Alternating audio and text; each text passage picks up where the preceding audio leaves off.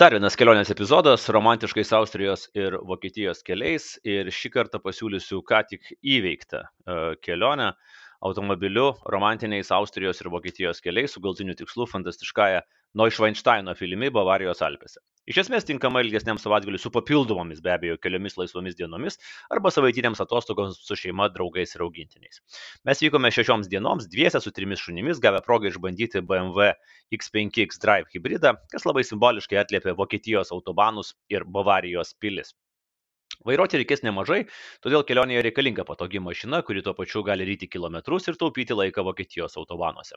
Bendras kilometrų kiekis 3400 plus minus km, bet aišku, viskas sugula į pirmąją ir paskutinėją dieną. Pirmoji diena - Vilnius Kremsas ant Dunojaus 1250 km. Kas važinėdavo į automobilinės, kelio, automobilinės keliones po Europą anksčiau, turbūt prisimena išsikeltą tikslą per pirmą dieną kirsti Lenkiją ir kur nors kristi į pakelės motelį Čekijoje ir Vokietijoje. Tai buvo seniai ir neteisybė, o Lenkijos keliai kabutėse gali bauginti tik negalinčius atsikratyti stereotipų. Iš esmės, įvažiavus į Lenkiją dviejų juostų kelių važiuosite tik keliasdešimt kilometrų, maždaug tarp Lomžos ir Mazovijos ostrūvos, kur greitkelis dar statomas ir GPS gali šiek tiek klaidinti. Na, dar gali būti striktelėjimas apie važinėjant Varšuvą, o toliau keliai laisvi ir patogus keturios juostos. Buvau susiplanavęs vakare pasiekti Austriją ir pasiekiau ją be didesnio streso. Išvažiavus 8 ryto iš Vilniaus, 20.30 jau įėjome į viešbutį viešbučio kambarį Kremse. Čia jau su pietų pertrauka McDonald'se už Varšuvos. Kremsą pasirinkau kaip pirmą tašką romantiškame Austrijos kelyje, Bet turint laiko ir noro, labai sėkmingai galima pirmą naktį nakvoti Vienoje, išvažiavus dar anksčiau iš Vilniaus būtų pakankamai laiko pasivaikščioti ir pavakarieniauti, o po to ryte patraukti link Dunojaus. Antra diena - Kremsas, Melkas, Kremsmünsteris - 180 km. Mes nenorėjom didmešių, tad pradėjom nuo pirmojo romantiškojo kelio taško Kremse. Ryte pasivaikščiojom po mieščiuko senamestį ir pasukom palei Dunojų. Važiuojant, neskubant, tiesiog būtina pasileisti Štrauso žydrai Dunojų. Pats romantiškasis kelias oficialiai prasideda Vienoje ir baigėsi Zalzburgė, tačiau gražiausia jo atkarpa yra palei Dunojų. Neblogai šito keliu važiuoti pavasarį, neblogai rudenį, kai sunoksta abrikosai, kuriais labai didžiuojasi vietiniai Austrai ir žinoma tų metų vynogių derlius. Pirmas sustojimas bus labai greitai, mažytis Dursteino miestelis, kur galima staptelti ir pramankštinti kojas, bei pažiūrėti į kvapą gniaužiančius Dursteino pilies griuvėsius kitame Dunojaus e, krante. Galima netgi persikelti automobilių keltų į kitą upės krantą ir griuvėsius apžiūrėti iš arčiau, bet mums pakako ir vaizdo iš toli. Pasak legendų, šioje pilyje buvo kalinamas karalius Richardas Liūtas Širdis, kai jis nepasidalijo kryžiaus žygio grobių su vietiniu kunigaikščiu Leopoldu. Melkas. Pagrindinė dienos atrakcija - Melko vienuolynas arba Melko abatija, kuris įkvėpė Umberto Eko romanui Rožės vardas, kurio beje vienas pagrindinių veikėjų ir turėjo tokį vardą - Atsas iš Melko. Vienuolynas vis dar veikia, tačiau didžioji dalis jo paversta gerai veikiančia turizmo mašina. Pasistengkite pataikyti į ekskursiją su angliškai kalbančiu gidu. Balandį įvyksta 11 ir 15 val. o nuo gegužės iki rugsėjo dar yra ir 14 val. Ekskursija trunka apie valandą, aplankote fantastišką biblioteką ir baigiate nežmoniškų kiekių aukso aplietoje abatijos bažnyčioje, po jos dar galima pasivaikščioti po Melko sodus. Jei atvažiuosite anksčiau, galima pasistatyti mašiną apačioje ir išgerti kavos ar papietauti mažyčio Melko miestelio centre. Išvengti ko nors iš abrikosų beveik be šansų. Nuo Melko dar maždaug valanda kelio iki Kremsmünsterio. Galima važiuoti magistrale arba pasimti papildomą pusvalandį ir pasisukioti vingiuotų mielų kelių palei Dunojų. Atvykom į Kremsmünsterį vakarop, tad tik pasivaikščiojom su šunimis ir pavakarieniavom iš anksto rezervuotame Gasthof König restorane.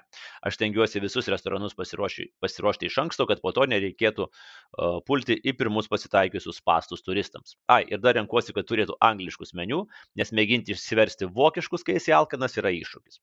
Restoranas tikrai geras, vietinė virtuvė, vienas skaniausių mano valgytų pietakių, iš vieno lyno, pabrėžia padavėja lengvas baltas vietinis vynas irgi iš vienuolyno brėžia padavėja. Trečia diena - Kremsmünceris, Gmündenas, Füsenas. Po pusryčių pirmų taikymų į Kremso vienuolyną. Čia vienuolynas į Kremsmincerio vienuolyną, atsiprašau. Čia vienuolynas ne toks turistinis ir populiarus nei Melkė, žmonių mažiau, todėl patekti į vidų apskritai galima tik su ekskursija ir gidu. Tačiau ekskursija vyksta tik vokiškai. Jei norite, galima iš anksto užsakyti angliškai kalbantį gidą, bet privati ekskursija kainuos 125 eurus, o vokiška 11 eurų. Na, skirtumas šioks toks yra, net jei nieko nesupranti, gauni anglišką tekstą, kuris tarsi ir paaiškina, ką ir apie ką kalba gidė. Ekskursijos vyksta kiekvieną dieną išskyrus pirmadienius 11.30 ir 14 val. Mūsų gidė pasitaikė labai plėpi, tad spėdavom ir apžiūrėti visą salę, ir paskaityti tekstą, ir dar šį beitą pasigūglinti. Dar padėjo vienas geras širdis vokietis, pajutęs pareigą šiek tiek pavertė jauti vargšams turistams. Bet iš esmės pagrindiniai momentai labai aiškus. Įspūdinga imperatoriaus salė, visų vienuolino abatų portretų koridorius ir lobynas, kuriame apžiūrėsite du senovinius eksponatus. Vienuolino įsikūrimo proga 777 metais, įsivaizduokit, koks senas vienuolinas, padovanota taurė, kuri ir dabar dar naudojama didžiosioms apieigoms. Ir brangakmeniais inkrustuota Codex Millenarijus, 800, 800 metais parašyta knyga, kurioje sudėtos visos keturios Evangelijos. Tad pras, tada prasėsite per nelabai žinomų dailininkų paveikslų galeriją, ginklinę, gidė su vokiečiais nuėjo į kitą salę, mes ten likom vieni ir kovojom su pagunda greitai užsidėti šarvus, pačiupti alebardas ir stoti į dvikovą.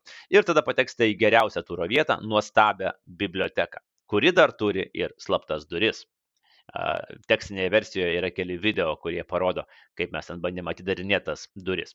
Kremsmünsterio vienuolino privalumas, kad skirtingai nuo Melko, čia gali viską fotografuoti ir filmuoti, kiek tik širdis geidžia. Ekskursiją irgi baigėme bažnyčioje, o jau visai visai baigėme suvenyrų parduotuvėje, kur neatsilaikėm prieš vietinio vienuolinę gaminamo Rislingo ir Merlo vilionės. Kitas taškas kelionėje priklauso nuo to, kada išvažiuosit iš Kremsmünsterio. Mes e, išplanavom staptelti Gmündene, bet oras pasitaikė pasitaikė prastas, smarkiai lyjo, tai pasukom tiesiai į Fuseną. Gumiundinas įsikūręs ant Traunsė ežero kranto, Čia galima paplaukyti senovinių garlaivių, aplankyti saloje įsikūrusią žavingą Sešlios pilaitę, pakilti ir nusileisti funikulieriumi. Na, bet turbūt ne tada, kai pila kaip iš kibiro.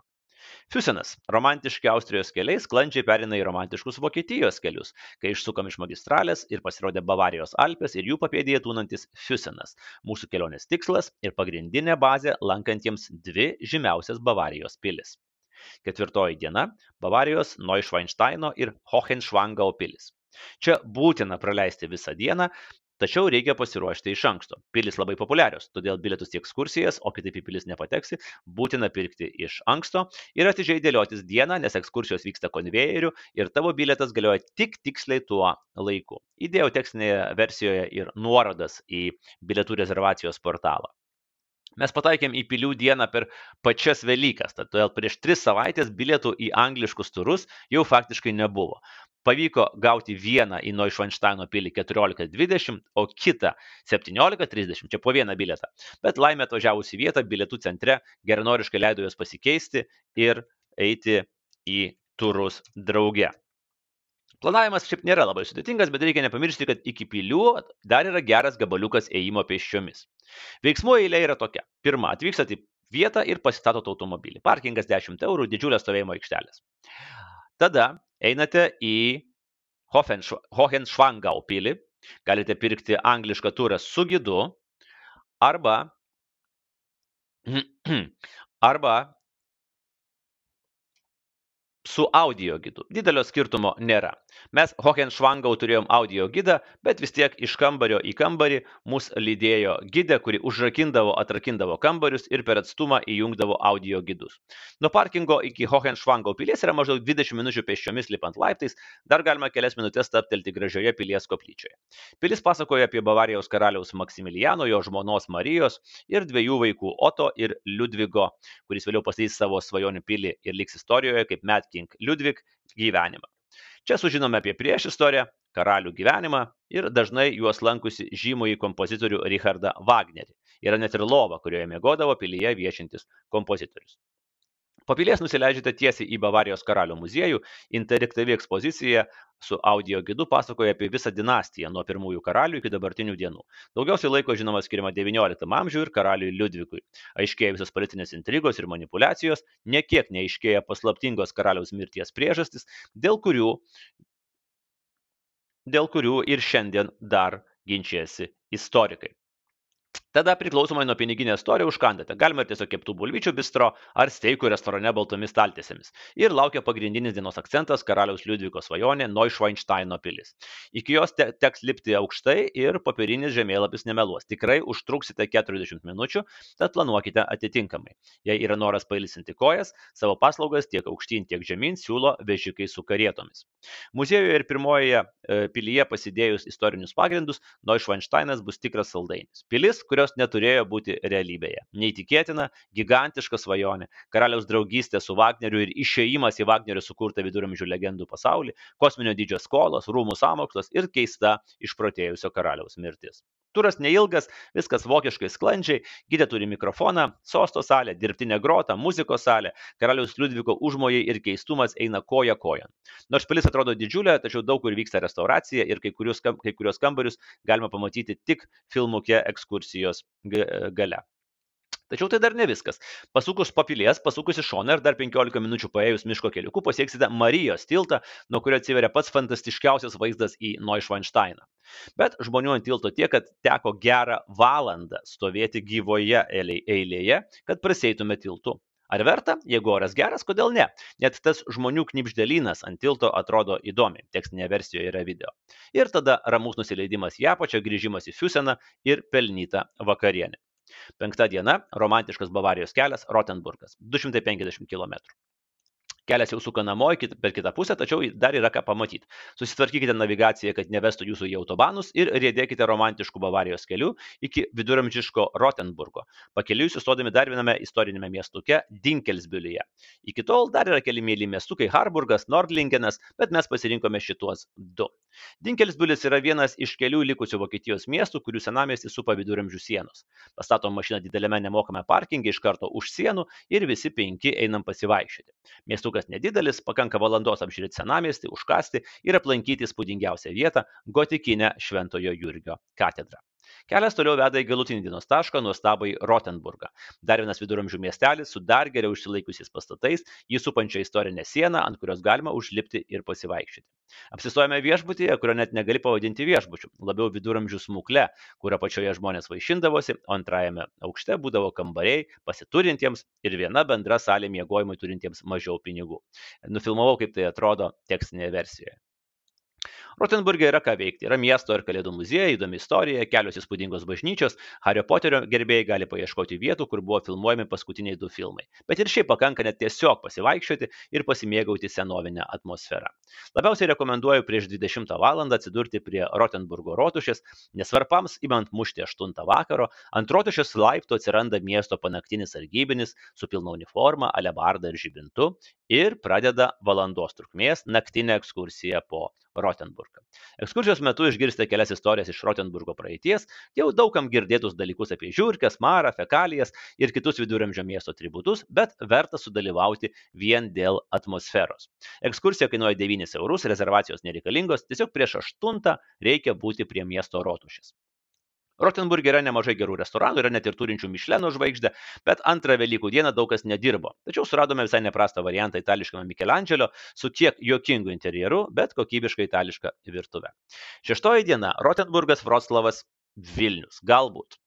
Paskutinę dieną galimi, galimi keli variantai. Jeigu turite du vairuotojus ir nusiteikimą grįžti greičiau, anksti ryte išvažiavę iš Rotenburgo tikrai vėlai vakare būsite Lietuvoje. O jei ypatingai neskubate, galite sustoti nakčiai pusiaukelėje Vroclave ir pasivaikščioti po šitą Lenkijos miestą. Po Vokietijos ir Austrijos kainų viskas Vroclave šokiruos gerąją prasme. Dar viena opcija privažiuojant Vroclavą - sustoti apsipirkti Vroclav Fashion Outlet. Daug žinomų prekės ženklų nuo Calvin Klein, Marco Polo iki Hilfiger, Levi's, Nike ir taip toliau. Kainos dar labiau iššokiruos, ypač jeigu pataikysit į išpardavimus. Kaip be būtų keista, bet iš visų restoranų kelionėje, kur valgiam, labiausiai rekomenduoju būtent e, atrasta Vroclave, šalia katedros aikštės įsikūrusi Livija Brama. Nuostabi moderni lenkiška virtuvė ir puikus laisvai angliškai kalbančių padavėjų aptarnavimas. Nuo starterių iki desertų viskas buvo geriausia, kas pasitaikė šioje kelionėje. Ir vakarienė dviems su starteriais, karštais, desertu ir vynu kainavo kiek daugiau nei 50 eurų. Lenkija. Ir paskutinę dieną jau spurtas iki Vilniaus, ramiai atsikėlus ir 6 val. vakaro įėjus pro namų duris ir uždarius šitą ratą. Ar verta? Jei nesibaiminate ilgesnių atstumų, turite didesnę mašiną gerai kompanijai ir atrasit 5-6 dienas, tikrai taip.